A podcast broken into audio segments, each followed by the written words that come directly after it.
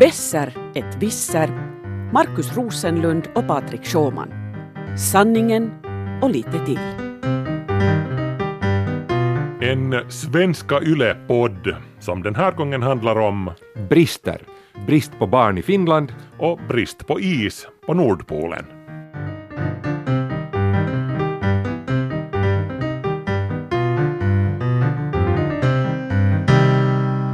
Hör du, Markus, ångrar du att du har fått barn? Nej, men, men mina barn ångrar ibland när de inte kan bete sig att, att jag fick barn. Ja, och det kan säkert många ha åsikter om, men eh, finansministeriet tycker att det där är jätte, jättebra.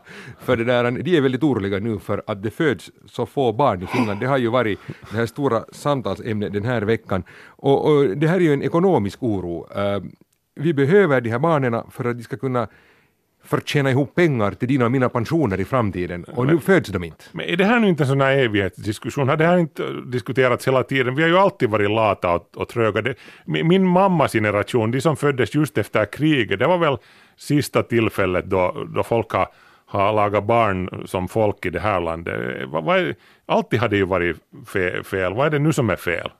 att det är ännu mera fel. Jaha. Att om vi tar, du har alldeles rätt i att, att eh, efterkrigstiden, då hade vi de stora åldersklasserna. Om vi tittar på din och min generation, de som är eller det här är siffror från 2015, så de som var 45 då, och vi är nu några år äldre, de var lite ett år, så vi har just kommit över det strecket. Eh, den generation var de flesta så att säga redan har fått sina barn och det är inte föds så många barn mera. Så ännu då så är det så att 25 procent av alla män, alltså en fjärdedel, och en femtedel av alla kvinnor är barnlösa. Så det är ganska höga tal internationellt, det är ganska dåligt redan liksom, som du har alldeles rätt i, det har, det har talats länge om det här och det har varit dåligt från början. Här är med allt det här att, att mm, männen blir på sina gårdar ute i landet och kvinnorna flyttar ner till städerna, och, eller oftast ner i landet, och utbildar sig och så här. Nu ser det mycket värre ut, de facto. Eh, om vi tittar på 30 till 34-åringarna, eh, bästa barnfödaråldern, eh, så 2015 var över hälften av alla män barnlösa och 40 procent av alla kvinnor barnlösa. Det här är alltså värre nu. Mhm, Okej. Ja, men alltså kvinnorna, de här unga kvinnorna har ju länge fått bära hundhuvud för det här. Det har ju talats länge om att de, de vill utbilda sig och de vill sitta och dricka vitt vin med sina väninnor och, och, och så vidare bortåt. Så det är ju ingenting nytt. Men, men är, vem ska vi skylla på nu då? Eh, Den här veckan har alla tittat på de unga männen eh, som inte utbildar sig. Och, och därför så eh, blir det inte attraktiva partner, eller partners till de här eh, kvinnorna. De hittar inte ens dem. De unga männen eh, är så här eh, lite karikerat utbildar sig inte och sitter på någon pub och dricker öl och tittar på formulatävlingar medan kvinnorna mm, går på teater och restaurang och, och vill vara kulturella och så träffas inte de här. Det här är ju den här lite, men så här har det sett ut lite i diskussionen till exempel i, i våra kommentarsfält, våra kommentarsfält här när vi har, det har skrivits nyheter om det här på svenska YLE. Eh, och det här är en förklaringsmodell som man kan alldeles klart se att utslagningen bland unga män har ökat eh, samtidigt i stort sett som de här födslarna har sjunkit. Nu är det bara det att eh, Roger Westman som är en sån nationalekonom som också skriver i en sån här webbtidskrift som heter Must Read, han har lite gått igenom den här statistiken lite noggrannare och nu ser han att de här födslarna börjar sjunka de facto redan innan de här arbetslösheten för, eller arbetslösheten för unga män börjar stiga. Jaha. När, bör, att- när började den stiga då? Alltså, No, alltså födslarna börjar komma ner Födslarna. ungefär 2007 ungefär. just det. 2007, vänta vad hände 2007? Men är det här nu inte, alltså 2007 började Facebook slå igenom stort bland, bland de breda, breda massorna. Jag gick i, med på Facebook 2007, jag skaffade mitt första barn 2007 faktiskt. Mitt andra barn skaffade jag 2009 så så det där med andra ord så är allting Facebooks fel då. Jag säger du att, att du ska skaffa flera barn utan Facebook? Nå, alltså när du nu säger det så helt på riktigt så det, det är inte helt uteslutet alltså. För jag menar, man, vi hade skaffat våra två barn och, och, och det där, vi var alla lite, båda lite trötta och, så där och så, så hände det ju jättelätt att man sjönk ner i soffan med sin första iPad som, som man just hade, vi hade just båda skaffat iPad där då efter att barnen föddes födde så satt vi där och, och, och Facebooka och, och det där kanske vi skulle ha, jag menar om mig om i vägen vore kossorna i luften fore förstås, men, men det är helt möjligt att vi, vi hade skaffat ett tredje barn om inte Facebook hade funnits. Så. Ja, liksom, jag förstår, man sitter där ensamma i sin egen bubbla och läser Facebook och sen är man för trött ja. när det blir dags att gå och sova. Nej, men alltså det, det, är ju ett faktum att Facebook är stället dit vuxendrömmar går för att dö. Det, det är ju stället där man blir rädd för att leva. Eh, på Facebook delar man alla de här horroruppdateringarna om, om att jag, jag satt uppe med, med kolikbebisen och, och nu tittar jag uh, längtande efter, efter en rakkniv att skära upp arm, handlederna med. Eh, Instagram är sen, det, det, är liksom det där stället där man delar de här puttenuttiga grejerna om picknickar i parken och om, om lillen som lärde sig gå och så vidare. Men Facebook är ju den här stora eh, giganten, kolossen. De har ju annars också varit i rubrikerna den här veckan. Mark Zuckerberg har suttit inför kongressen i Washington och fått försvara sig för vem vet, vem vet vad. Ja, så du menar att uh, han har nu flera saker på sitt samvete. Dels har han då hjälpt uh, manipulation av demokratiska val, både presidentval och Brexit, och nu har vi också då barnbristen i Finland att lägga på hans konto. Just det, exakt. Mark Zuckerberg såg, såg till att Donald Trump installerades i, i Vita huset. Han, han såg till att Viktor Orban har fått hållas i Ungern. Han har Polen till eh, ett, ett auktoritärt eh, samhälle. Och, och så, så har han fått våra peräkammarin pojat att här i Finland att sluta skaffa barn dessutom. Det här är ju intressant, vi kan återkomma till det här, jag vill bara säga att, att äh, befolkningsförbundet tittar ju på det här, de har tittat på det här kontinuerligt och jag sitter här och tittar på vad de kom till 2015. Ähm, äh, det är ju så att de har alltså frågat de som inte har barn, alltså de har frågat, jag tittar nu på 25 till 34-åringar som har förklarat att vad är det som får dem att antingen då inte skaffa barn eller då besluta att kanske åtminstone inte just nu och så flyttar mm. man det framåt. Vad säger de? Och här finns nog det som man har lyft fram här nu i diskussionen nu, den här ekonomiska saken. Alltså man ser att när vi talar om ekonomisk osäkerhet och osäker arbetsplats och, och så här att också kanske att man vill satsa på sin karriär, sådana saker, de har alla ökat markant från då den föregående undersökningen som var 2008 till 2015 och blivit liksom mycket större. Vi har liksom klart över eller 10 procent ja, av de som svarar tycker att det här är ett stort problem, ett jättestort problem och faktiskt upp till 40 procent ungefär som tycker att de här sakerna också är ganska stora problem. Så det här är något som har ökat mycket, sådana här saker som det har lyft fram men det är ju inte bara det här som de har frågat, utan de har också frågat hur är det att skulle du vilja göra andra saker som intresserar dig, så här liksom lite mjukare saker, eller, eller eh, är det viktigt för dig om du måste liksom ge upp någonting från din nuvarande livsstil, att är det här något som får dig att, att flytta fram det här barnskaffandet? Och där slår metarna riktigt i botten på det här, Eh, medan, och till exempel det här att man inte har hittat en lämplig partner, det är ganska högt 2008 men det har inte alls ökat hemskt mycket till 2015 så där ser man inte alls att det ska vara någon stor skillnad.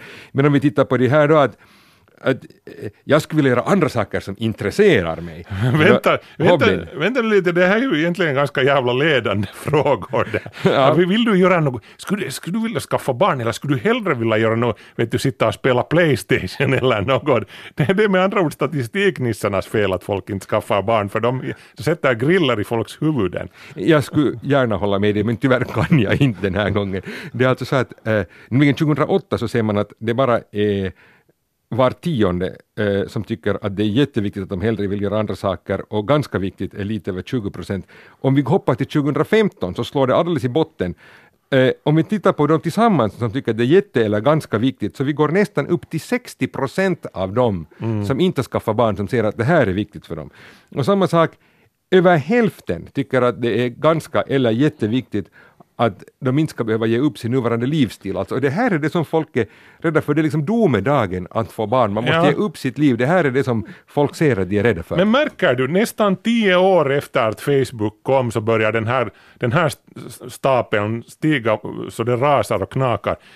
Folk har haft nästan tio år på sig att sitta där hemma och titta på dels på horrorstoryna om kolikbebisar och skitblöjor på Facebook och dels de här puttenuttiga grejerna på, på Instagram där, där folk är, och seglar eller eller, eller till, tillreder någon marockansk delikatess eller någonting. Vet du, de, de ser på Facebook och inser att oj herregud, skaffa barn aldrig i livet och så tittar de på Instagram och konstaterar att oj, kockprogram och, och det där eh, virkande och, och det där resa till Madeira, I'm there, vem, vem vill skaffa barn?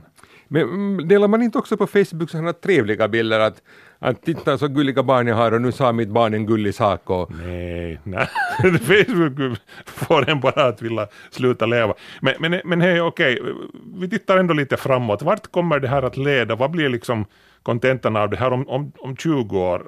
år eller så. Är det nu pensionsbomben 2 som sen exploderar? Är det här ännu en, ett, ett skräckscenario som Jo, men, så, så, är det dessvärre. Alltså det, eh, tanken som man ju hoppades var att den här pensionsbomben någon gång skulle ta slut. Alltså vi, mm. Nu ah, tittar ju hela tiden finansministeriet som ser på det här ganska krasst ekonomiskt, ser att vi har folk som jobbar och så finns det folk som inte jobbar och det måste finnas tillräckligt många som arbetar för att försörja dem som inte jobbar. Och nu har vi ju det problemet att, att vi har liksom väldigt många pensionärer Uh, och så har vi inte så många som arbetar och därför så håller de på och vill förkorta studietiden och förlänga arbetskarriären och, och se till att folk inte tar paus i mitten och folk ska inte stanna hemma och sköta barn utan folk ska ut i arbetslivet. Allt det här för att pengarna ska räcka till till att försörja alla de här pensionärerna och andra som inte jobbar. Men så vad ska vi göra nu då? Ska vi, är nu enda ut, utvägen att vi börjar skaffa barn som tokiga?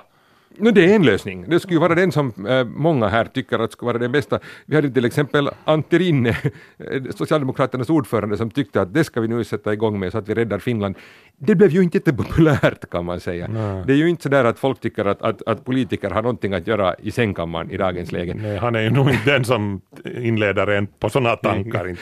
det kan man också säga. Men det är ju också det att, att sådana tankar att, att liksom folket går ut nu och skaffar barn, det associerar ju lite obehagligt till Nazityskland och andra liknande system var man de facto har haft sådana tankar. Ja, ja. Så det är ju inte så där eh, Eh, det är ju inte jättepopulärt, men, det, men alltså sådär rent ur finansministeriets synvinkel så det är ju det som fick honom att se det här att det skulle ju vara den väntade lösningen. De har ju så att säga ritat in de här barnen redan i en sån tillväxtkurva. Nu borde de människorna så att säga, folk vill bli föräldrar och utbildade, unga män utbildar sig tillräckligt och, och folk skulle sluta läsa Facebook och whatever och gå och göra de här barnen också. Men eh, om vi nu inte gör det, så, så då eh, är ju den framtid vi ser, det alternativet är att befolkningen hela tiden minskar eh, totalt sett och det är hela tiden en mindre grupp som ska försörja de där eh, också allt färre pensionärerna som finns kvar. Mm. Så det är vår framtid. Eh, det som skulle vara då det enda alternativet efter det, förutom att Finland blir helt öde till slut, är ju det att, att vi skulle öka invandringen och ta in folk, men som vi vet så det är också ett jättekontroversiellt ämne. Inte blir folk glada när man säger det heller. Så att här är våra alternativ. Hur du än vänder sig och så har du rumpan bak. Eh, I det här fallet har vi en liten utmaning som nog kommer att vara någonting som vi kommer att diskutera i många år framöver.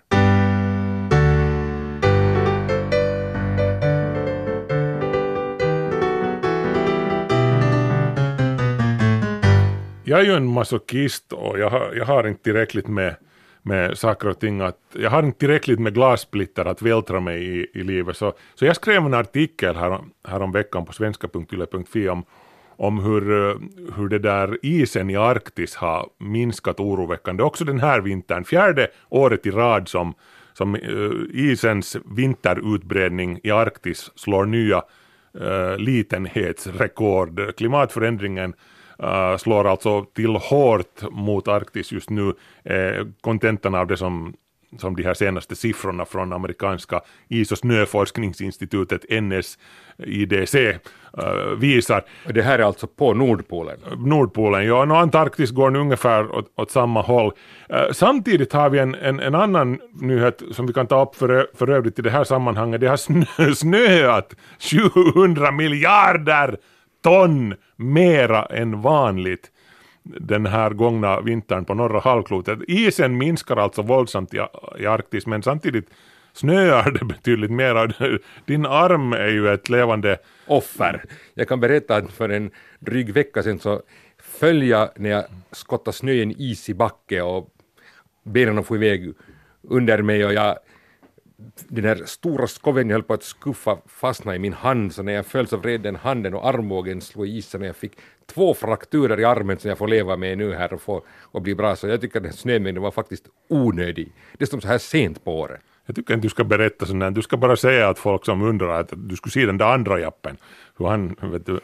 Nej, no, ja, eh, men i alla fall, mm, snön äh, har orsakat benbrott hos, hos dig och, och isen i Arktis som har minskat våldsamt på sistone har orsakat nerv, nerv Uh, det här svaghet hos mig den här veckan. Det gick ju nämligen precis som jag anar, som det alltid går när man skriver någonting, en artikel om, om som har med klimatförändringen, den globala uppvärmningen att Någon göra. annan blev också kränkt. N ja, men vet du, det, det, är, det är en sån här Pavlovsk klocka. Du säger global uppvärmning så är det någon som som blir kränkta automatiskt av det, för, för de är liksom indoktrinerade till det. No anyway, det var, det var någon som som då skrev ett mejl åt mig och var, var, var sur och förbannad på att, på att jag tar ställning i en diskussion som jag inte borde få göra med skattebetalarnas pengar, eh, utan jag borde belysa båda sidorna av den här eh, diskussionen. Vilka båda sidor var mitt svar som jag dock inte skickade åt den här typen, jag bara sa det högt för mig själv. Det, det här är inte en diskussion, jag, jag rapporterar inte om någonting som någon akademiker någonstans sitter och funderar kring framtiden, att det här kommer att hända om si och så många år om, om vi det där inte gör si och så. Jag rapporterar bara helt enkelt kalla nummer och siffror över att jaha, så här är det uh, ismängden i Arktis om vintrarna, precis som om somrarna, har minskat. Vi har en klar trend, man kan se den här grafen, precis som din graf över, över hur lite folk förökar sig nu för tiden, så kan du se att isen har minskat i absoluta mängder si och så mycket. Det, det här inte och det har skett flera år och rad. De senaste fyra åren har alla slagit nya rekord år efter år. Så, så det, det här är inte en diskussion, det här är bara ett, ett konstaterande av faktum. Så. Hur är det med, med dig, du som bevakar ekonomiska uh, det här frågor? Får du, får du liksom, om när du rapporterar om någonting som någon ska vi säga någon samlingspartistisk think tank har kommit upp med så får du ilskna mejl av, av arbetstagarsidans anhängare som säger att du, du borde inte få, utan varför kom du inte och fråga oss? Är det, är det lika polariserat inom ekonomin? Den här? Nej men klart att det är polariserat och det är ju politiskt och man måste försöka hålla balans i rapporteringen. Man kan ju inte endast rapportera, man måste liksom men samtidigt har du alldeles rätt i att man måste hålla liksom reda på här, och det är ganska komplicerat egentligen, att hålla reda på vad är exakt fakta mm. och vad är liksom då slutsatser och vad är åsikter. Ja. Och ännu om vi vill dessutom slänga, slänga till här att vad är då så att säga förutsägelser som är mm. då kanske besläktat lite med de här slutsatserna. Um, klara fakta kan ju i sig inte förstås äh, ifrågasättas, men då kan det ju hända att man har valt att rapportera några sådana fakta som stöder just en tes, och då måste man kanske titta att, att är det fel att rapportera bara det här? Ähm, motsvarande skulle vara om det skulle ha varit, liksom, man kan säga att det har snöat hela året i Sahara och det har varit väldigt, väldigt kallt och man kan säga att, att där skulle ha varit sen äh, en balanserande faktor, men att äh, nu har det kanske inte snöat hela året i Sahara. Nej, det har faktiskt snöat nu den här vintern i Sahara. Det var, det var nu bilder igen på Facebook förstås här en, en dag i, i mars. För, för då hade vi det där, det där fenomenet, minns du, när polarvirveln gick sönder och det spillde en massa kyla från Arktis ner över Europa och eh, på samma sätt så spillde det sen värme upp över Arktis och vi hade plus fem på Nordpolen liksom medan vi hade minus 27 i Tyskland. Men då snöade det faktiskt också i norra Afrika, i Marocko det var riktigt snö på, på dynorna och beduinerna rullade omkring där. Uh, Okej, okay, men här är nu då det problemet att, att den förklarande teorin uh, om uppvärmningen tycks förklara också det här. Det, alltså, det att det har snöat i Sahara är inte ett bevis på att hela tanken om jordens uppvärmning är fel, utan det har... Det är, nej, nej, det, det är ett bevis på att det, den här teorin är helt rätt.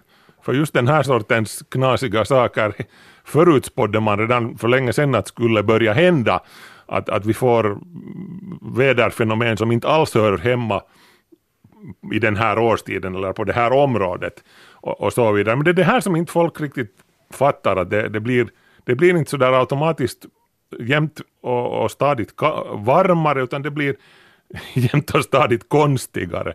Nå, det, här är nu en, det här är nu en annan sak, men vad jag försöker säga är alltså att jag bara i princip rapporterar om kalla fakta, om siffror som har kommit in. Nu är det så här att siffrorna visar det här och det här, det, det, är, inte, det är inte någon åsikt. Men, men, men jag menar, men, samtidigt så säger du ju då att, att det faktiskt beror på global uppvärmning. Du säger inte att det är bara statist, statistiskt äh, avvikande att no, det råkar vara så. No, Okej, okay, ja, men jag råkar ju nog veta förstås att det, ber, det, det, det går ju att koppla ihop de här två väldigt väldigt elegant och enkelt. Men... Repetera ännu, en hur stor del av världens vetenskapsmän är eniga om att det faktiskt handlar om uppvärmning?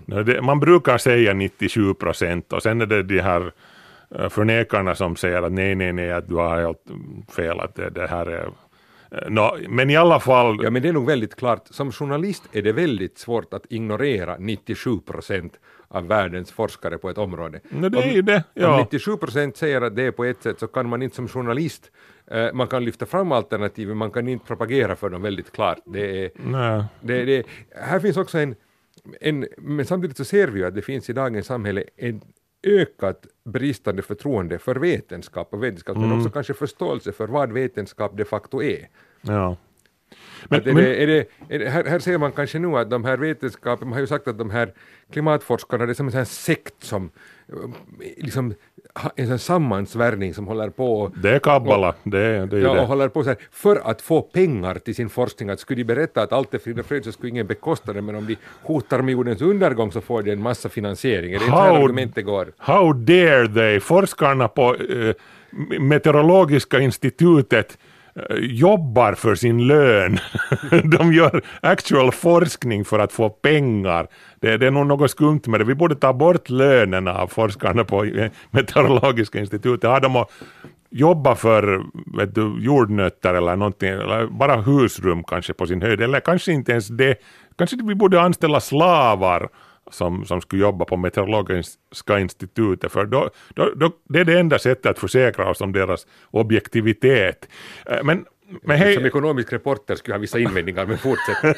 ja, det skulle kanske orsaka en ny recession eller någonting när inte de mera köper södernresor och så vidare. Men, men det skulle igen vara bra för klimatet. För det skulle... Naja. Men hör du Markus, eh, en sak, eh, alltså rent när du nu talar om mig som ekonom, vad säger du alltså som skulle vara någon, någon riktig ekonomisk nytta, vad skulle vara den stora ekonomiska skadan, eller den stora skadan, om det nu går så att isarna till slut faktiskt smälter helt från Nordpolen? Nyttan versus skadan med att, att Arktis tinar upp helt och hållet menar du? Ja. No, nyttan, jag menar det borde ditt gäng ju älska ekonomerna och eh, det där, de reglar ju efter det här tillfället att få en kortare fraktrutt till Japan till exempel. Nordostpassagen smälter upp och blir farbar året om. Det är ju julafton för Maersk och för, för, de här, och för våra fartygstillverkare, våra skeppsvarv här. Att plötsligt kunna segla till ett, genom en isfri nordostpassage. Vad, vad är bättre än det? Jo, jag blir bara då ändå inte riktigt övertygad, för det betyder ju samtidigt att det ska jämföras med kostnaden av ökenspridning och hungersnöd och annat som kommer längre söderut, så jag blir ju nog inte riktigt övertygad. Nej, men det är så här som man tänker helt på riktigt. Det, det här är liksom grunden för, för Rysslands strategiska tänkande just nu. De, de struntar fullkomligt i alla de här andra negativa aspekterna av det här, att, att vi har folk som hungrar och det sätter igång nya eh, folkvandringar och, och, och krig och, och elände och Putin eh, gillar ju antagligen den tanken för han, han älskar kaos, han, är, han, han tror att han ska kunna härska över det kaoset. Han, men Ryssland till exempel, så de ser helt och hållet det här som, som en eh, chans för dem i framtiden, för, för de bor ju där, de äger Nordostpassagen som den är nu. Eh, jag måste säga, det här, äh, jag blir nu inte så hemskt övertygad av det här faktiskt. Men, men, äh, Nej, no, inte jag heller. Jag säger nej, bara att det är så här det. som man tänker. Istället så här mot slutet, vi måste ta Ryssland en annan gång, men från den ryska björnen till en annan björn. Äh, hur illa är det här nu för isbjörnen som hela tiden talar om att den får allt värre, om det nu är fjärde året i rad med den här isen i Nordpolen, hur illa är det där? No, inte det är ju bra, jag menar pandan, kommer du ihåg? Ja. Pandan var ju symbolen för skogsdöden, för de sura regnen, för allt elände, eh, för eh, artdöden då när vi var eh, i skolan. Då, då var panda, den blev ju symbolen för WWF, den sitter väl fortfarande på deras logo. Isbjörnen är ju, kunde ju vara, de kunde ju byta till isbjörnen för den är betydligt mer hotad än pandan i det här läget.